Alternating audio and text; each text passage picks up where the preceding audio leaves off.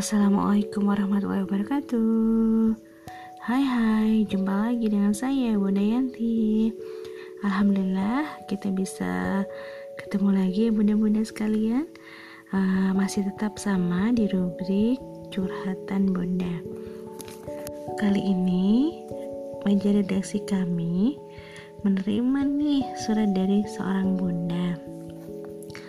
Langsung saja yuk kita bacakan Assalamualaikum Bunda Yanti. Waalaikumsalam warahmatullahi wabarakatuh.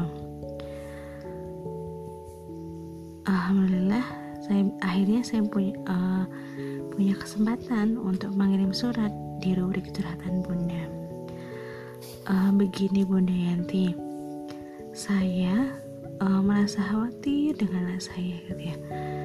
Uh, terutama masalah ibadah dan sekolahnya. Uh, ibadahnya kacau uh, sering telat-telat bahkan terkadang uh, sholatnya sholat wajibnya pun tertinggal bolong-bolong gitu. Padahal anak saya usianya sudah uh, 11 tahun dan di bidang prestasi di sekolahnya pun menurun gitu ya. Banyak sekali nilai-nilai yang uh, merah gitu saya khawatir sekali bun. Uh, karena apa ya harapan kami ada di anak kami tadi gitu ya. Uh, jadi terkadang saya dibikin pusing gitu ya. Mau negur salah gak negur juga bagaimana itu tanggung jawab kami gitu ya. Uh, akan tetapi ya hmm, gimana ya bun? Jadi salah uh, jadi salah tengah tadi saya gitu ya. Uh, ngobrol sama papahnya juga. Terkadang bapak itu urusan mama mama yang tahu gitu ya. Jadi saya merasa sendiri gitu bun. Uh, mohon solusinya ya bunda. Terima kasih. Uh, sudah mau mendengarkan. Wassalamualaikum warahmatullahi wabarakatuh. Waalaikumsalam warahmatullahi wabarakatuh. Hmm, begini ya. Tadi saya belum sempat uh, memberitahukan bahwa ini adalah surat dari Bunda Naila gitu ya. Hmm. Ini ya curhatannya lumayan ini ya membuat berpikir ya para ibu mungkin juga mengalami hal yang sama gitu ya. Oke Bunda, Bunda Naila langsung kita urai masalahnya dan kita ke satu kesimpulan di belakang nanti ya oke siap gitu ya hmm, wajar ya bun saya selalu mengatakan wajar. Kenapa? Gitu ya. Seorang bunda itu pasti khawatir gitu terhadap perkembangan anaknya gitu ya. Nah, terutama masalah ibadah ya. Masalah sholatnya terus masalah sekolahnya itu menjadi satu pemikiran tersendiri bagi bunda gitu ya bagi seorang bunda ya. Uh, saya yakin juga bunda-bunda uh, sekarang juga pernah mengalami hal yang yang demikian gitu ya. Hmm, nah, sekarang yang perlu kita uh, lakukan gitu ya, solusi yang tepat atau apa ya? Setidaknya hal-hal yang membuat kita menjadi tenang gitu ya. Uh, berarti uh, kita lihat anak tadi, anak bunda ya, anak bunda, anak bunda Naila itu sudah berumur 11 tahun. Berarti uh, otomatis bisa dong diajak ngobrol gitu ya nah memang gitu ya di usia 10 11 12 gitu kan jati dirinya tuh uh, masih mereka cari gitu. Maka kita sentuh. Kita satu hal satu pertama kita memberikan contoh teladan yang baik buat anak-anak kita ya bun. Uh, jadi kita juga sholat, rajin sholat dulu uh, mengaji dan sebagainya sehingga anak melihat oh iya mama saya juga sholat gitu ya.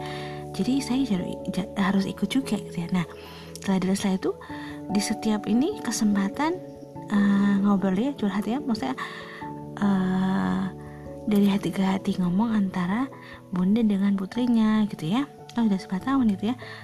Ya mungkin 11 tahun itu bisa saja sudah balik ya sudah akil balik sudah kalau putri sudah mendapatkan uh, tahun bulan atau menstruasi maka harus di, ini harus diarahkan gitu ya. Harus harus nantiasa dikawal gitu ya. Kalau uh, anak laki-laki atau anak putra pun juga pasti uh, sudah mengalami istilam ya atau mimpi basah maka juga harus dikawal gitu ya.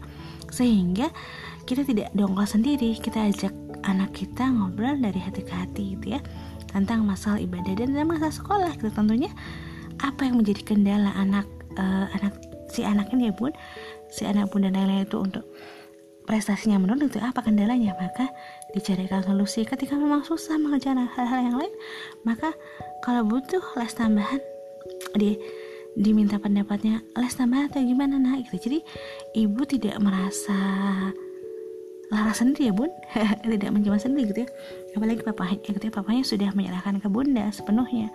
Cara uh, mendidiknya gitu ya. Ya saya pikir juga papanya juga uh, punya tanggung jawab dari sisi apa keamanan dan kenyamanan keluarga. Jadi memang juga harus di uh, dijalin komunikasi antara mama dengan papahnya dan dengan putri dan putranya. Sehingga keluarga itu tidak hanya uh, saling numpang tidur gitu ya. Dalam artian anak uh, sekolah pulang sekolah tidur mama pun kerja kerja pulang kerja tidur papa seperti itu. Jadi jadikan keluarga keluarga itu menjadi satu apa ya satu hal yang uh, apa yang nyaman gitu ya di dalam rumah itu nyaman. Jadi rumah itu tempat kembali bukan tempat tidur gitu ya. Ketika memang lelah pulang ke rumah menjadi hal yang fresh kembali gitu. Nah itu butuh apa ya butuh komunikasi antara papa dan mamahnya gitu ya. Jadi dibangun gitu ya. Oh, otomatis berarti kan kalau kita mencari ideal rumah tangga berarti ideal-ideal rumah tangganya adalah contoh Rasulullah gitu ya. Rasulullah Muhammad SAW bagaimana mem, uh, berlaku uh, manis berlaku apa ya bijaksana terhadap istri uh, istri dan istri istrinya ya kan Rasul kan istrinya lebih dari satu kan? Nah Rasul uh, apa namanya pulang ke rumah itu ke rumahnya itu pasti uh, apa ya rindu gitu rindu pulang ke rumahnya gitu ya. Dan kita bisa mencontoh itu gitu ya. Uh, di salah satu buku saya juga pernah membaca tentang bulan madu sepanjang hari gitu ya ala Rasulullah gitu. Berarti otomatis Rasulullah tuh senantiasa menebarkan kasih sayang dan cintanya gitu. Nah kalau kita berarti kita membangun kedekatan kita bunda ya kita posisi kita sebagai bunda kita men, uh, menjalin kedekatan dengan apa-apanya gitu ya dengan suami kita sehingga kita bisa mengurus anak-anak kita dengan uh, berdua berpartner gitu tidak hanya sendiri gitu ya.